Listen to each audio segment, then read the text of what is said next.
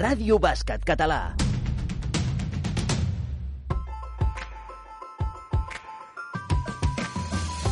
Quan els principals analistes intenten predir com serà el bàsquet en el futur, les opinions són múltiples i diverses. Es parla de jugadors més físics, de canviar la dimensió de la canxa, de buscar noves regles i de pavellons hiperconnectats, però costa endevinar exactament cap on evolucionarà el nostre esport. L'únic punt en comú és que tothom té clar que el 3x3 serà una disciplina que creixerà molt en els pròxims anys. Després d'uns temps de cocció a l'ombra, el seu moment comença a arribar. Fa unes setmanes vam escoltar Jaume Comas, un dels impulsors del circuit 3x3 que ha posat en marxa la Federació Catalana, però avui volem analitzar aquest fenomen amb més detall, aproximar-nos per valorar millor la seva dimensió i tractar d'entendre les claus de l'èxit del seu creixement. Benvinguts al Ràdio Bàsquet Català. Avui, capítol 47, us parla Àlex Gozalvo. Esteu preparats? Doncs pilot a l'aire. Xavi Ballesteros. I començarem el programa amb la tertúlia parlant del circuit del 3x3 que ha engegat aquesta temporada la Federació Catalana de Bàsquet. Ho farem amb Carles Carnicero, responsable de promoció de la Federació, i Josep Maria Rofes, directiu de la Federació i president del Comitè de Promoció del Bàsquet. En els nostres clubs marxarem fins a terres gironines per conèixer de ben a prop el Club Bàsquet Capdemànol. Ho farem amb el seu president, Ramon Revés. En la pissarra, el Bernat Canut, responsable del Cadí la Seu, ens explicarà la seva metodologia i la seva filosofia de bàsquet. En els records marxarem fins a terres basques, perquè allà hi trobem Àlex Montbrú, jugador sorgit del CC i format en el joventut.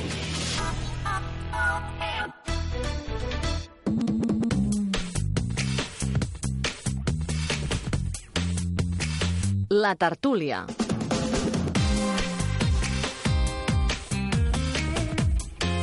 Bàsquet 3x3 és una disciplina que porta anys creixent. El salt definitiu arribarà a Tòquio 2020, quan es convertirà en un esport olímpic. La Federació Catalana va presentar unes setmanes el seu circuit oficial de 3x3. Es tracta d'un projecte a 3 anys vista que tindrà 10 seus repartides arreu del territori. Aquesta setmana volem aprofitar l'espai de la tertúlia per parlar amb dos dels grans impulsors d'aquest circuit. Saludem a través de la línia telefònica Josep Maria Rofes, directiu de l'àrea de promoció de la Federació Catalana Catalana. Gràcies per ser amb nosaltres. Moltes gràcies a vosaltres. I aquí a l'estudi tenim el Carles Carnicero, responsable de promoció de la Federació. Benvingut.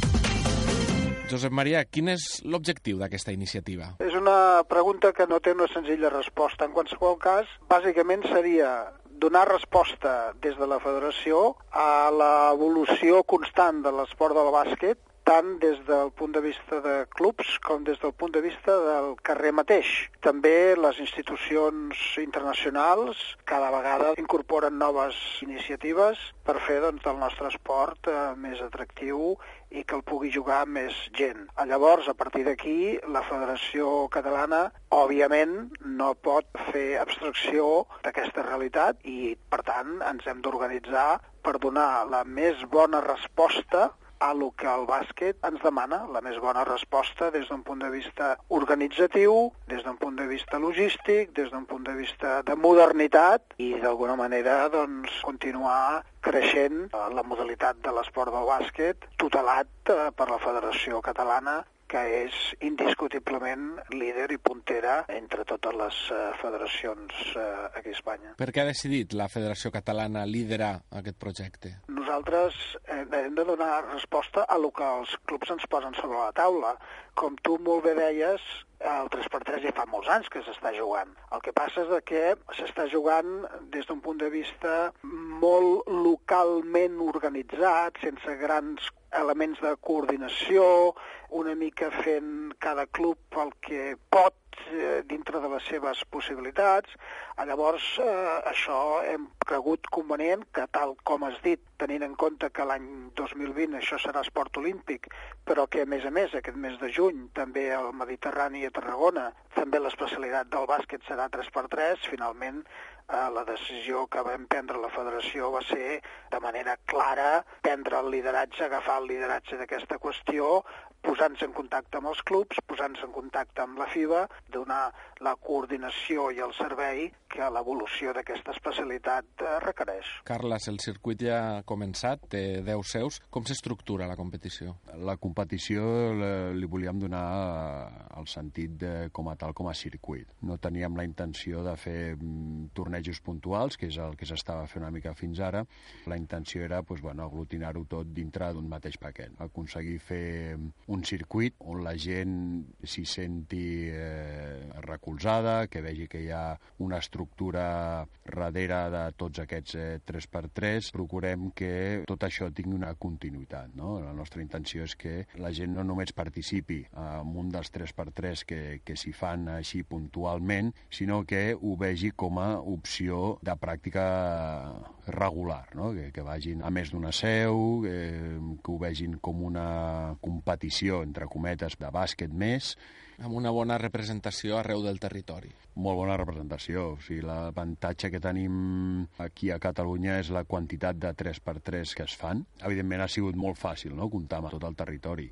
El que volem fer, això és un punt de partida. Llavors, eh, la nostra intenció és seguir creixent amb tots els 3x3 que actualment eh, s'estan duent a terme a Catalunya. A qui va dirigit? Quines categories engloba? Tenim totes les categories, des de mini fins a sènior, tant masculí com femení. Això no treu que dintre d'algunes seus eh, puntuals eh, s'afegeixin més categories una mica per la demanda. No? Tenim casos on s'afegeixen categories d'escoles de, de bàsquet, de, de veterans, eh, preminis, preinfantils... Pues, bueno, hem de mirar també una mica la resposta durant tota aquesta primera temporada per valorar en un futur d'incorporar més, més categories. I què cal fer per inscriure's?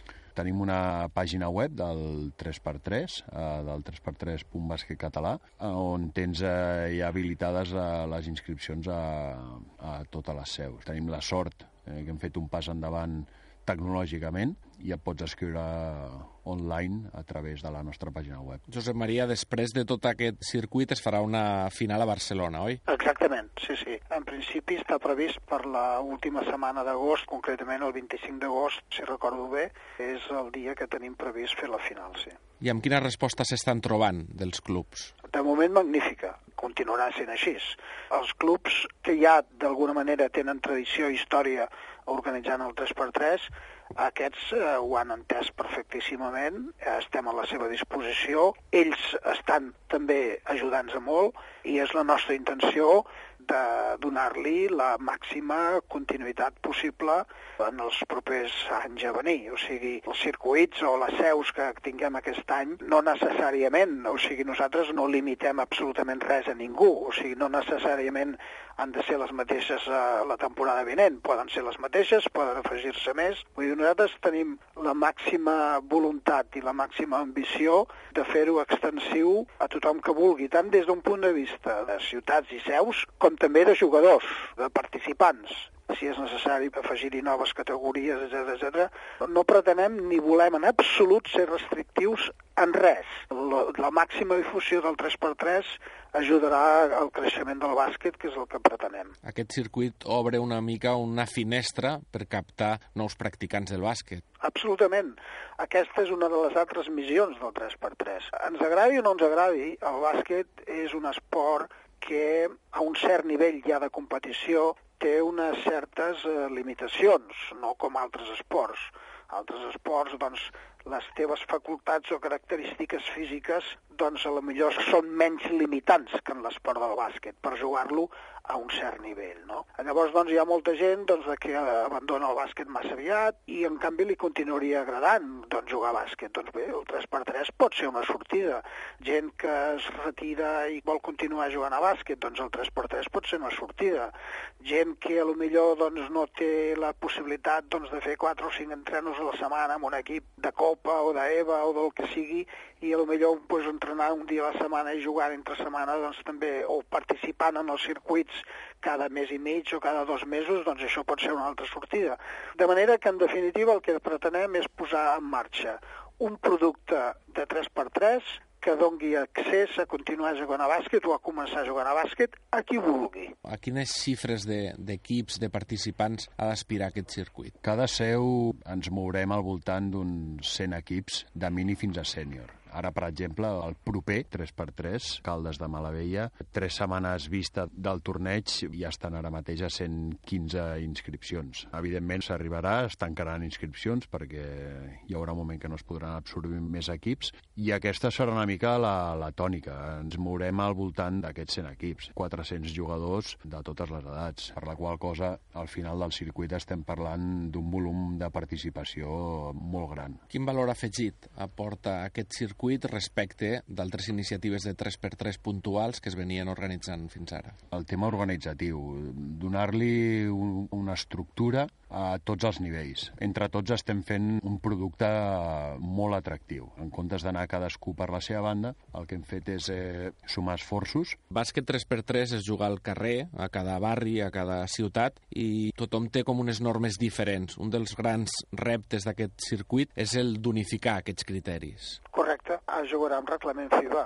A veure, sènior i júnior eh, jugarem amb reglament FIBA segur. Pretendríem que tothom jugués en reglament FIBA. El que passa és de que eh, serem també flexibles en aquest sentit, perquè les coses tampoc es poden passar de res a tot eh, d'avui per demà.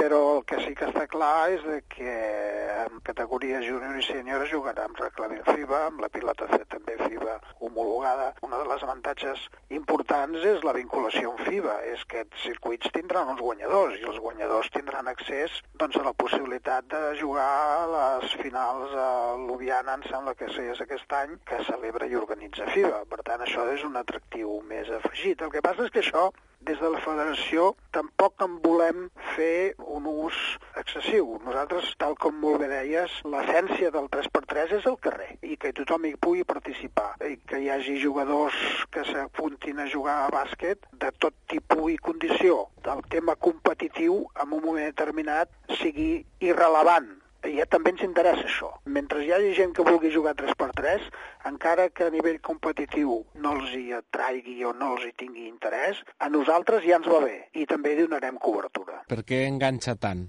El 3x3. És una festa diferent del bàsquet, per tradició es juga al carrer, no és tan reglamentat, tan estricte com la modalitat del 5x5, dona una mica més de llibertat de joc, jugues amb els teus amics, i a part que el joc del 3x3, clar, només juguen 3, toques molt més la pilota, ets més protagonista que en el joc habitual del 5x5, són partits molt curts, tothom és decisiu, Josep Maria, el bàsquet 3x3 serà olímpic a Tòquio, ja ho hem dit, i a més a més tindrà presència als Jocs del Mediterrani d'aquest estiu a Tarragona. Quina volada li pot donar? Important, sobretot tenint en compte la participació dels mitjans de comunicació. Tot això ajudarà molt a divulgar i a fer conèixer el 3x3. Eh? És una qüestió d'aconseguir credibilitat de que l'aposta o el projecte de 3x3 no es limitarà a una activitat d'estius o de Setmana Santa, per entendre'ns, sinó que té la pretensió de convertir-se en una activitat regular durant tot l'any, o almenys durant 7 o 8 mesos, en la qual tothom pugui tenir una participació, com deia abans, amb un nivell competitiu més o menys rigorós, més o menys ambiciós, i el fet, des d'un punt de vista de, internacional, hi hagi l'activitat de 3x3 als Jocs Olímpics, jo crec que serà la prova definitiva de que és una activitat de bàsquet que va en sèrio, que ha arribat i que ha arribat per quedar-se. Doncs fins aquí la tertúlia d'aquesta setmana. Moltes gràcies a tots dos per ser amb nosaltres i felicitats per haver engegat aquest circuit de 3x3. Moltes gràcies. Gràcies a vosaltres. Moltes gràcies a vosaltres i contem amb la vostra ajuda. Ràdio Bàsquet Català.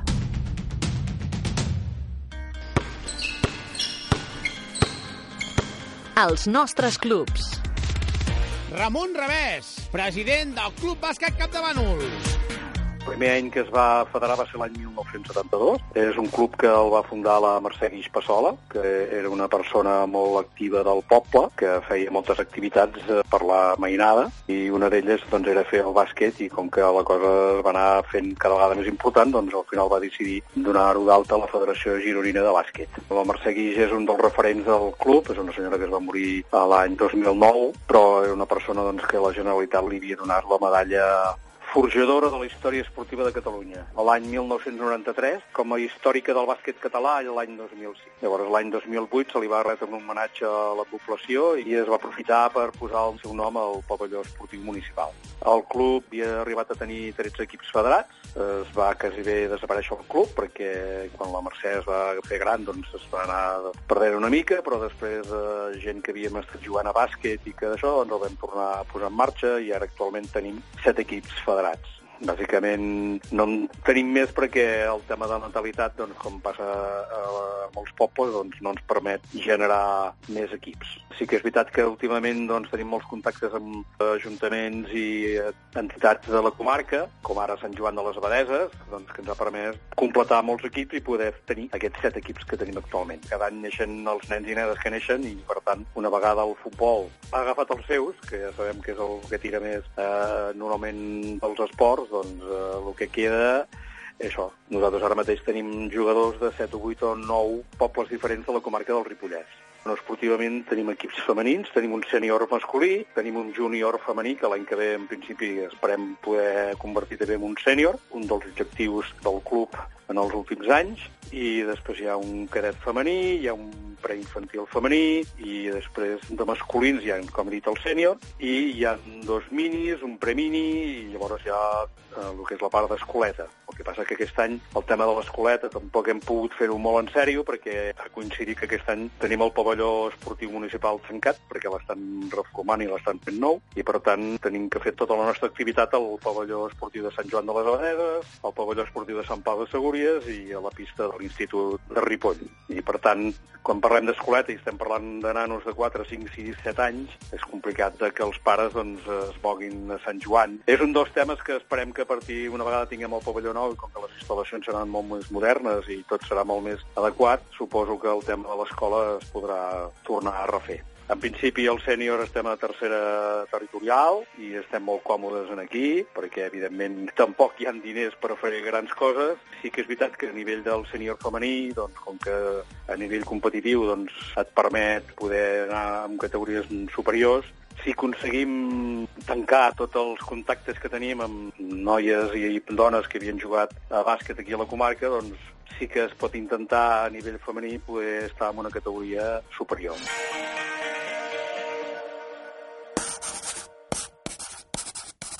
La pissarra. Bernat Canut, tècnic del Cadí la Seu.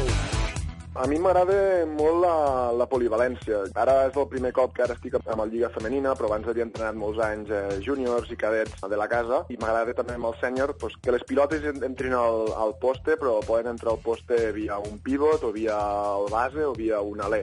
Igual que el, el joc exterior, estem acostumats a veure ja els alers, ara amb els júniors i els sèniors també els quatres, però m'agrada molt que hi hagin aquests intercanvis de posicions i les polivalències. I defensivament eh, m'agrada mm, provocar el rival i provocar que ells eh, facin el que no volen fer. No perseguir les seves intencions de joc, sinó intentar negar-les i que hagin de, ho hagin de solucionar per una altra via. Això, evidentment, requereix un desgast eh, físic i mental perquè necessitem la implicació de les cinc jugadores. La filosofia i el que creu un del bàsquet és la mateixa, però evidentment eh, quan es treballes a formació t'és igual perdre dies insistint en, en algun detall, perquè al cap de setmana si guanyes bé i si no, pues, per la següent, però amb el sènior cada cap de setmana et jugues les garrofes i està molt bé millorar, però també s'ha de guanyar. Per tant, una mica de canvi de mentalitat de que bueno, hem de ser efectius i, i resolutius, sobretot quan ets sènior. En canvi, quan estàs en formació pots prendre amb més pausa i amb més paciència perquè no depens tant dels resultats.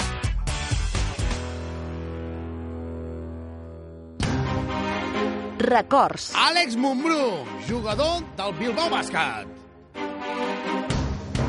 Àlex, quan vas començar, quins records guardes d'aquella etapa dels teus inicis? Amb els amics que, del barri, amb els que vas a jugar, amb els que tu passes bé, i amb els que fas a campus, i bueno, tinc molt bons records d'allà.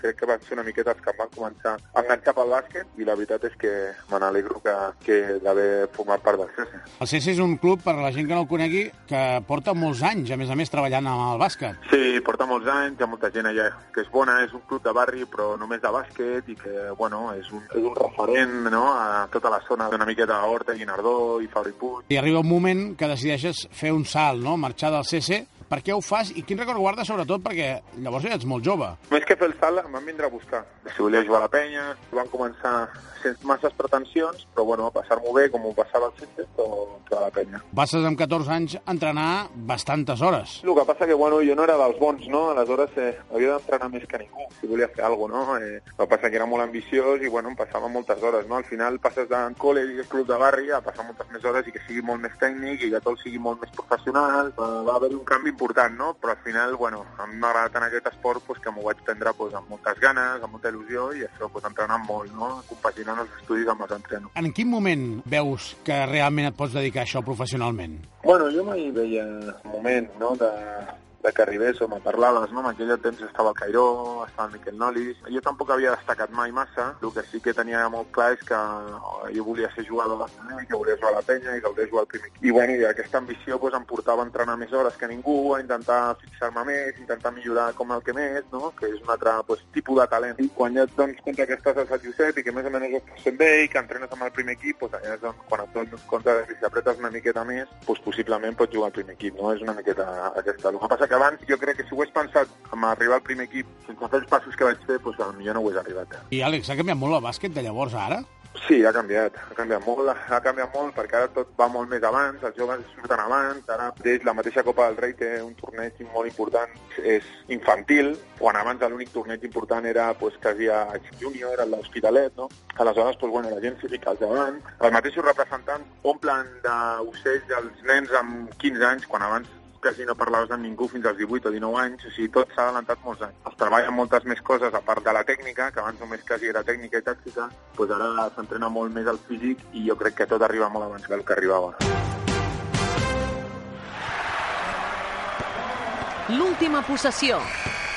Nova parada de les jornades Nesquik. El passat dissabte aquestes jornades de formació van fer parada al complex Vell Congost de Manresa amb els minis masculins del CB Manresa 2015 i del CB Hospitalet com a protagonistes. La pàgina web de referència es modernitza.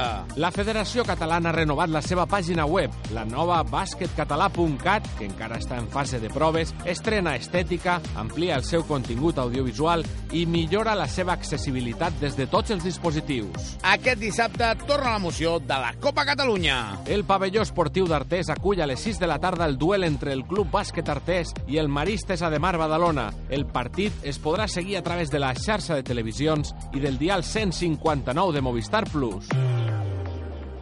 Ràdio Bàsquet Català.